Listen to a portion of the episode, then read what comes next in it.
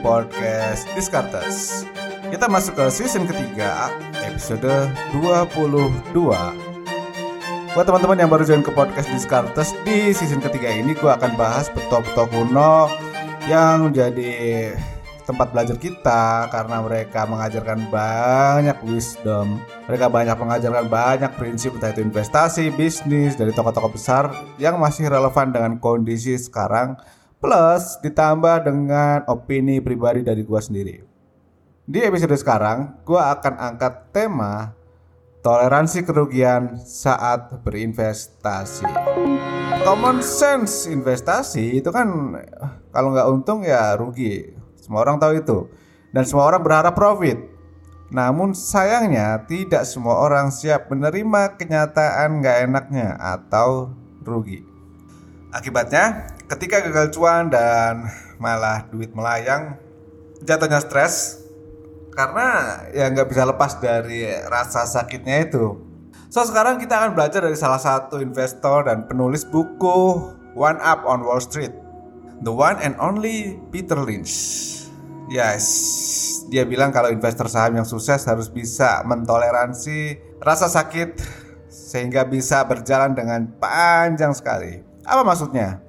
Jadi Peter Lynch itu bilang kalau kekalahan dalam transaksi di capital market itu memang menyakitkan dan kadang-kadang menimbulkan trauma, tetapi itu adalah hal yang biasa dan akan sering dialami oleh semua investor. Makanya, bertoleransi dengan rasa sakit bisa dibilang sebagai sikap orang yang bisa nih terima, wah lagi turun, dia terima nih, siap kalah gitu. Karena kita nggak bisa expect bahwa semua betting kita di market bakal menang, ya kita bukan dewa yang bisa melihat masa depan gitu kan. Level kemampuan buat menerima rasa sakit ini memang beda-beda. Misalnya ada investor yang masih bisa terima kalau ruginya minus 10% Tapi ada juga yang cuman mampu di angka minus 5% dan seterusnya Namun berapapun tingkatnya yang paling penting adalah setiap orang harus tahu Seberapa besar toleransi atas rasa sakit tersebut?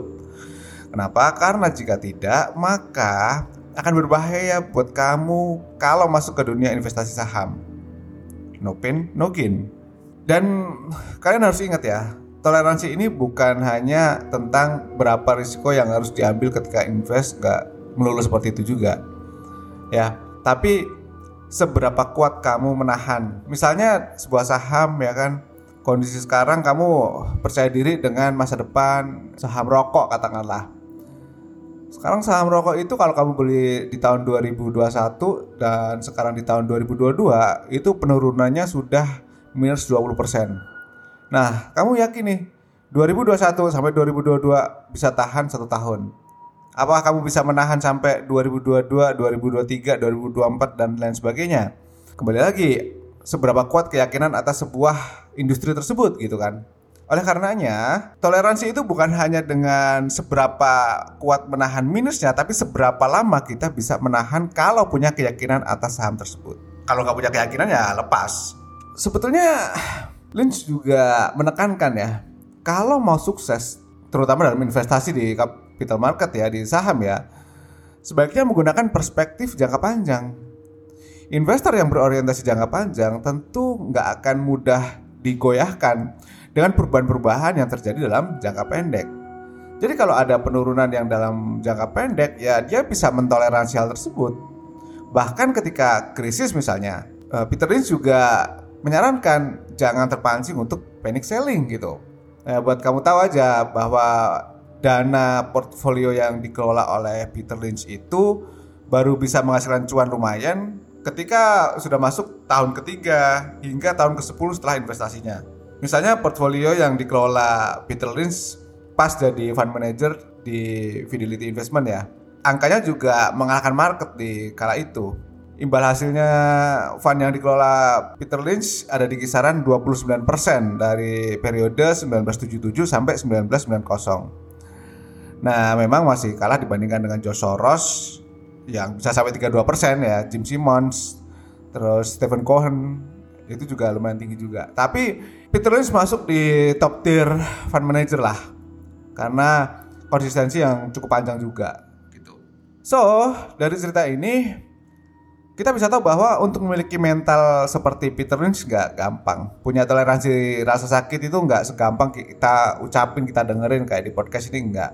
Tapi berdasarkan pengalaman selama satu dekade lebih, gue rasa kita bisa melatihnya gitu ya. Ada beberapa hal yang bisa kita tempuh agar toleransi atas rasa sakit ini semakin baik. Yang pertama adalah memperkuat data dan informasi ketika ambil keputusan gitu. Ya memang untuk memiliki toleransi atas rasa sakit yang tinggi perlu jam terbang dan pengetahuan yang pas ya, yang mumpuni ya. Tapi konsepnya gini, kalau kamu nggak punya data, informasi, terus penganalisis sendiri, bagaimana kamu yakin terhadap saham yang kamu pegang gitu? Kalau misalnya kamu nggak punya keyakinan, gue yakin kamu nggak akan bisa mempertahankan saham ini sampai menghasilkan return yang bagus. Ya, jadi ketika kita memiliki data dan informasi, kita bisa abai terhadap segala kekhawatiran ketika nilai aset turun. Ya gimana investor bisa menjadi menghasilkan uang yang banyak kalau nggak dibekali pengetahuan gitu kan. Pengetahuan tentang aset dan saham yang dimiliki. Nah, makanya buat Peter Lynch berinvestasi pada perusahaan yang tidak diketahui adalah keputusan yang paling buruk buat dia. Dia harus tahu dulu fundamental perusahaan yang diincar gitu dengan menerapkan skema bottom up. Kalau itu cara dia gitu. Buat dia investasi adalah pekerjaan yang serius di mana setiap lembar sahamnya itu bukan kupon lotre tetapi kepemilikan bisnis. Nah, kemudian yang kedua adalah memiliki dana darurat dan tabungan yang mencukupi gitu. Artinya ketika kita memiliki kecukupan cash flow bisa mentolerir ketika volatilitas atau resiko kerugian jangka pendek muncul Kenapa? Karena kerugian tersebut tidak mengganggu kehidupan kita dalam tempo pendek tersebut. Ya paling nggak kebutuhan kita masih terpenuhi. Bayangkan gini, kamu nggak punya dana darurat, nggak punya tabungan yang cukup. Bagaimana kamu bisa tenang ketika market sedang bearish gitu? Pasti udah deg-degan. Besok gua makan apa? Masa harus cariin saham? Nah ini nggak pas. Yang ketiga adalah membuka peluang. Ya entah itu dengan diversifikasi pendapatan atau berwirausaha ya, bikin bisnis. Orang yang memiliki wirausaha, memiliki bisnis itu rata-rata memiliki toleransi atas rasa sakit yang lumayan tinggi ya, karena udah terbiasa mengelola risiko. Wah, harus gaji pegawai, beli bahan, tapi belum tentu bisa cuan, jadi udah terbiasa dia. Kemudian kenapa gue bilang soal membuka peluang, ada diversifikasi pendapatan, artinya kalau ada tambahan income, streaming income, yaitu bagus sekali untuk ketenangan kita. Jadi otomatis kalau kamu punya penghasilan lain, toleransi rasa sakit kita terhadap market yang tidak menentu pasti akan lebih stabil gitu. Makanya menjadi full time investor yang nggak punya penghasilan dari tempat lain itu adalah sebuah perbuatan yang sangat challenging ya. Jadi tidak semua bisa. Kalau buat teman-teman yang baru mulai jangan lakukan itu karena belum terlatih gitu. Sehingga ketika sudah memiliki ketahanan yang bagus, kamu akan tahu oh ternyata resiko dari sebuah saham itu sampai sekian ya. Bisa sampai terlikuidasi hilang turun sekian puluh persen dan lain sebagainya.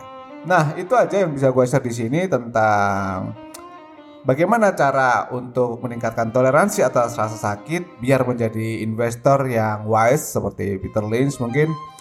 Dan mudah-mudahan kalian semua ketika berinvestasi memiliki keyakinan ya bukan karena ikut-ikutan sehingga bisa menikmati dengan rasa puas nantinya. Oke, sampai jumpa lagi di podcast Discartes episode selanjutnya. Thank you and bye bye.